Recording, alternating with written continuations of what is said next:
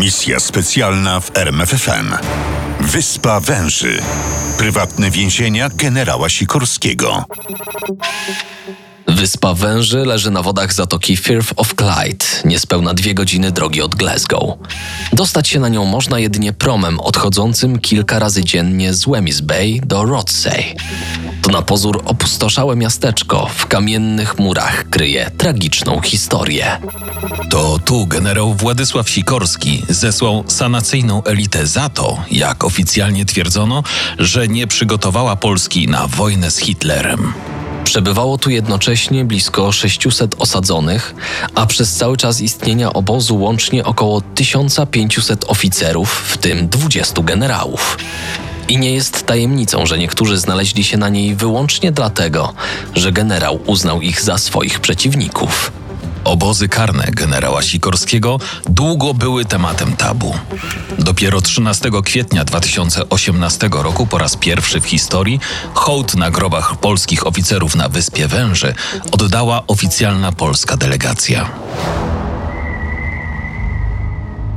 Pewnego wieczoru wiosną 1941 roku na izbę przyjęć polskiego szpitala w Dublin Castle do wycieńczonego i ciężko pobitego pacjenta wezwano chirurga Adama Majewskiego.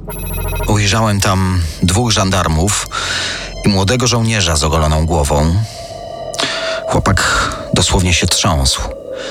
Ilekroć któryś z żandarmów zbliżał się do niego, rzucał przy tym na nas spojrzenia dzikiego zwierzęcia. Kilka minut później przerażonego pacjenta przewieziono na salę operacyjną.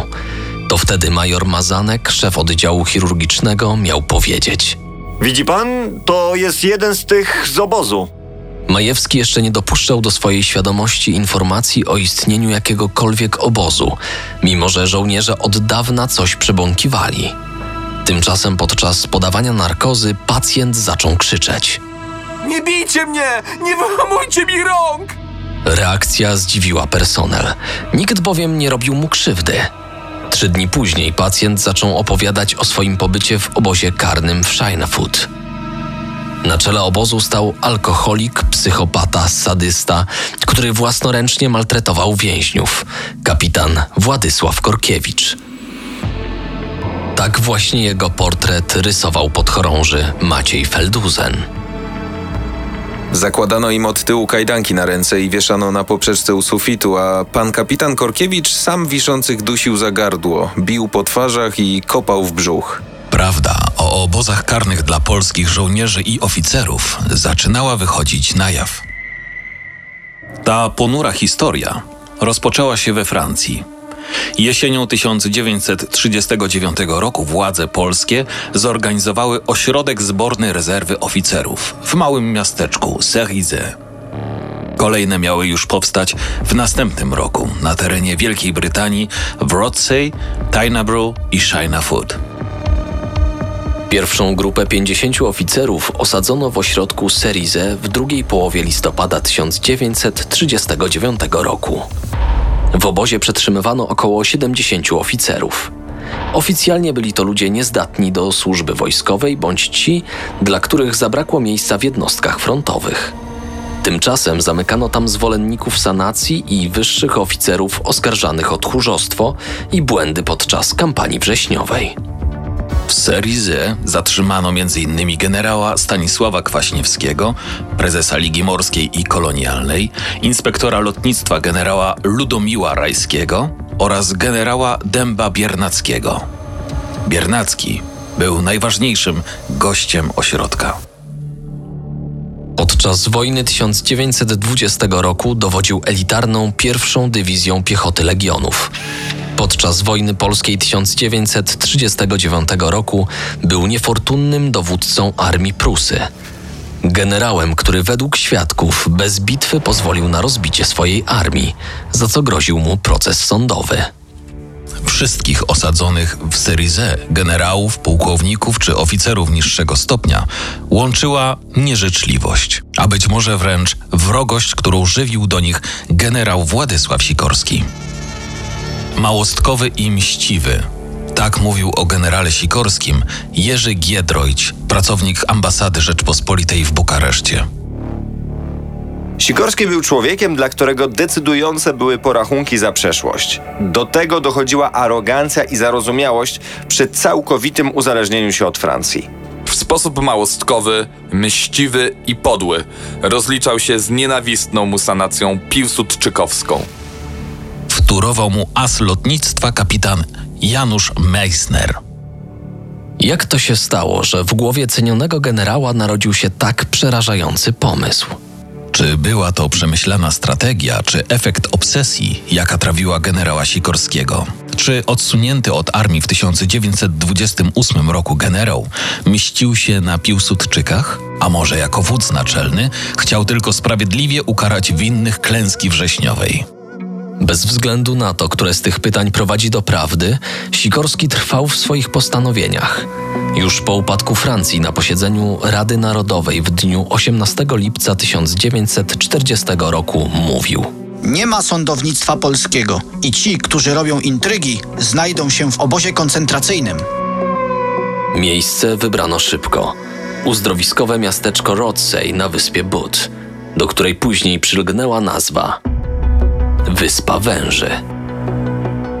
Z pastwiska obozowego i namiotów trafili do luksusowych pensjonatów i hoteli. Z barłogów na miękkie łóżka, od menażek i łojów komisnej zupy do przystawek, sandwichów i białych obrusów. Można było wybierać pokoje w hotelach bądź pensjonatach. Ten przywilej przysługiwał wszystkim bez względu na stopień wojskowy. Władze brytyjskie zastrzegły sobie prawo ingerowania w sprawy kwaterunku, ale jak szybko pokazała praktyka, właściwie się nie wtrącały. Istniały jednak pewne reguły. Każdego dnia o godzinie 11.30 generałowie, pułkownicy i cała masa oficerów niższego stopnia meldowała się w dowództwie na odprawę.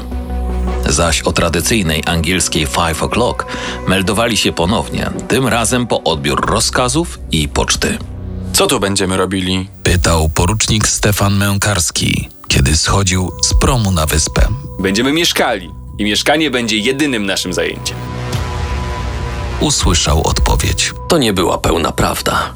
Codziennie wysyłano grupy oficerów na godzinną naukę angielskiego bądź inne szkolenia, zazwyczaj o charakterze wojskowym. Większość zajęć wynikała jednak z osobistych potrzeb. Można było czytać, grać w szachy, uprawiać sporty. Zarezerwowano kościół na niedzielne msze o godzinie 11. Ktoś zaproponował wykonanie obrazu Matki Boskiej Częstochowskiej do miejscowego kościoła. To wszystko jednak nie odpowiadało rzeczywistym potrzebom oficerów, których w większości jedynym życzeniem była realna praca dla Polski, a zatem przydział do czynnych dywizji Armii Polskiej, a w perspektywie wyjazd na front.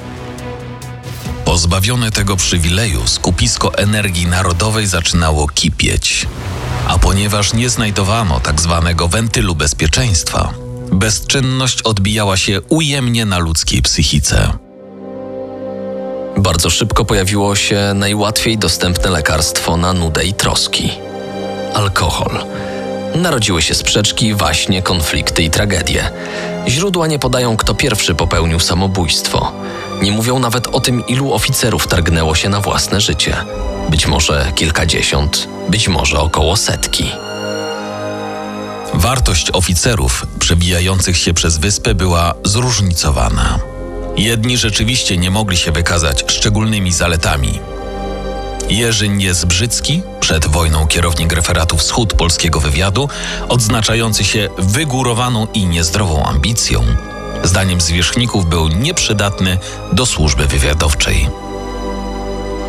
Ale znaleźli się w obozie tacy, którzy odegrali ważne role podczas wojny. Pułkownika Władysława Deca, bohatera bitwy o Narwik, z Wyspy Węży wyciągnął generał Stanisław Maczek. Potem Dec jako oficer pierwszej dywizji pancernej znakomicie walczył we Francji, Belgii i Holandii. Kapitan Roman Czerniawski, szpieg, który oszukał Niemców podczas operacji w Normandii, przesiedział na wyspie zaledwie pięć tygodni. Wyszedł 18 dni po śmierci generała Sikorskiego w katastrofie gibraltarskiej. Bilet na wyspę był efektem zredagowania ulotki wyśmiewającej generała lotnictwa Stanisława Ujejskiego. W listopadzie 1940 roku powstał obóz w Tyneborough, niewielkiej miejscowości położonej na północ od Wyspy Węży, lecz już na stałym lądzie. Był on filią obozu w Rothsay. Tu już panowały bardziej siermiężne warunki. Obóz otoczono drutami kolczastymi, a osadzeni w nim oficerowie mieszkali w namiotach i prymitywnych barakach. Do tego obozu kierowano z Rothsay najbardziej opornych więźniów.